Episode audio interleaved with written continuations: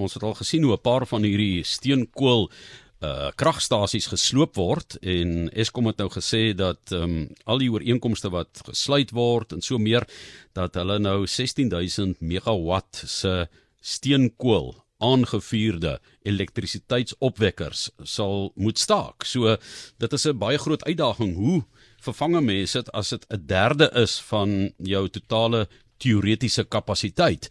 So dit is nogal 'n baie baie groot uitdaging. Nou ek meen mense het baie groot politieke wil nodig daarvoor en Ehm um, dit is dis nie so maklik nie. Mense verloor hulle werke van die myn wat die steenkool uithaal, die vervoer, die operateurs by die kragsentrale, maar dit is ingewikkelde goed hier. So en intussen moet ons ons geboue groen kry en elektrisiteitsvriendelik en kyk of ons nie selfs 'n sertifikaat kan toon wanneer ons wil handel dryf of daarin wil opereer nie of ehm um, werksaam wees nie, né?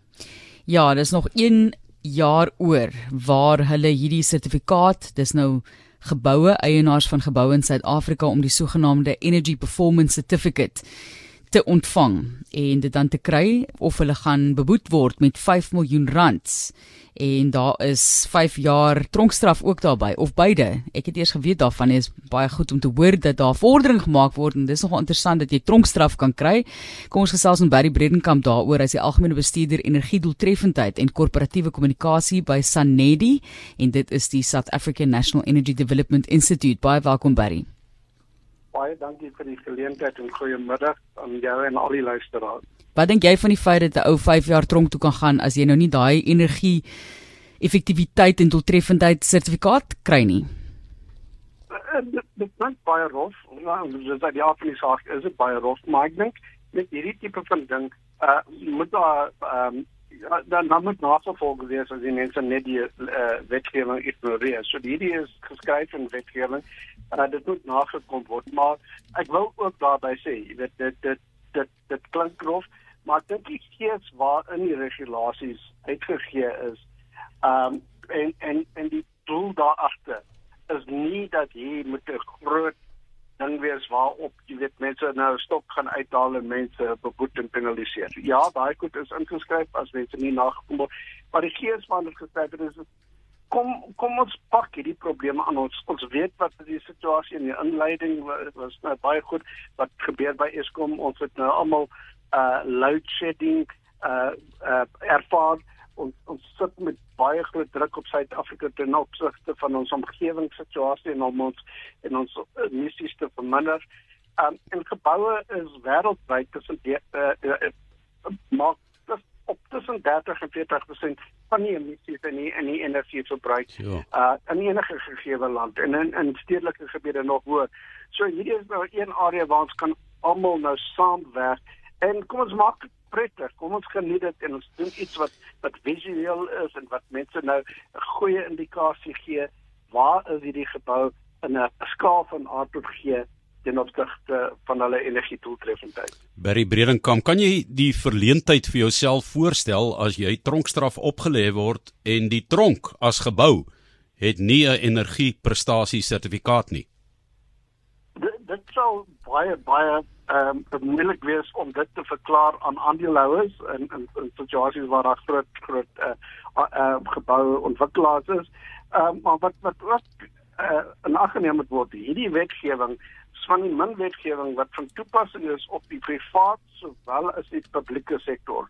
So dieselfde geld in die publieke sektor as uh, die gebou eienaars het sê dit nou openbare werke of munisipale bestuurders uh staan daai daai uh um uh situasie in in in iets sig ook. So ehm um, ja, ja, ek dink dit sal 'n groot verleentheid wees het sy privaat of publieke sektor.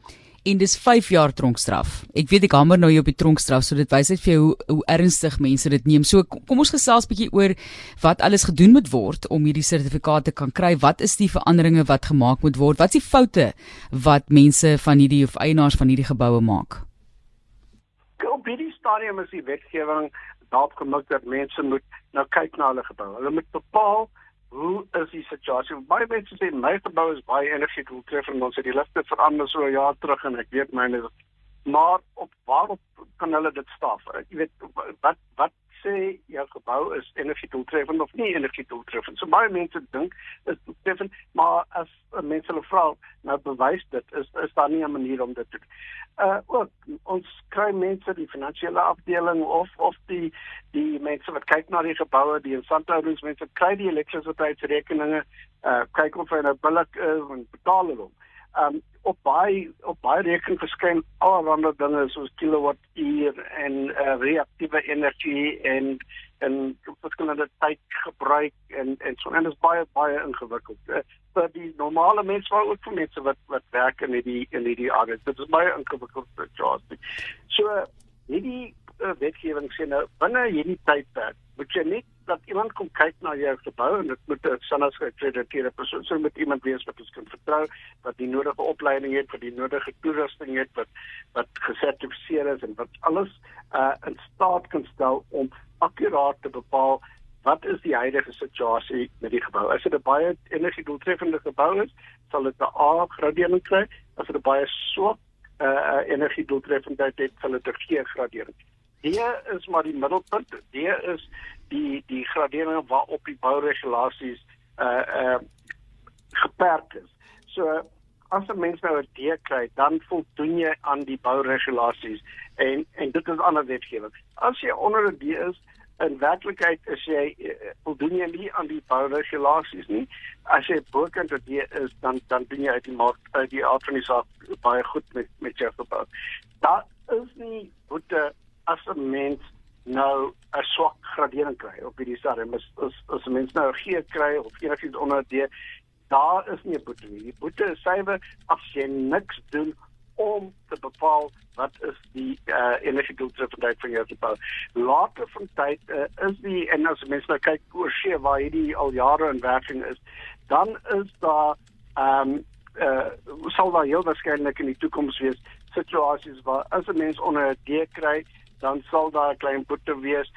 Jy sal 'n tydperk gegee word om jou gebou op te gradeer, jou ligte op te gradeer, LED ligte sodat die lugverkoeling reg te maak, die waterverhitting en alles om dan jou gradering uh te verbeter na D of bokant toe. Maar op hierdie stadium uh is die boete en die die uh die boete rondom die wetgewing suiwer as 'n mens nie voor uh eh, 7 Desember volgende jaar daai sertifikaat kan toon want die wetgewing bepaal dat dit moet in die ingang van 'n gebou getoon word. Soos wanneer mense nou in 'n hotel gaan en jy kan dadelik sien hierdie is 'n 3 ster hotel of 'n 4 ster of 'n 5 ster en mense sal laat kan sien hierdie gebou is 'n energie doeltreffende gebou of dit is 'n baie swak gebou. Ek weet as ek in hierdie gebou gaan gaan ek heel waarskynlik te warm word of te koud word, dan gaan nie warm water wees uh die ligte gaan nie voldoende wees of jy gaan weet of daai gebou voldoen aan aan die vereistes of nie.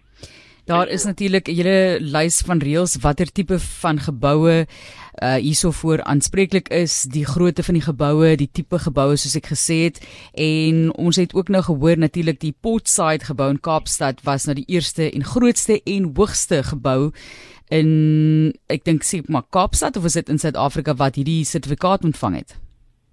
Ja, die, ons is baie trots op die werk wat hulle gedoen het. Potsa is die grootste gebou in Suid-Afrika tot dusver wat die EPC gekry en hy het werklik 'n baie goeie gradering gekry.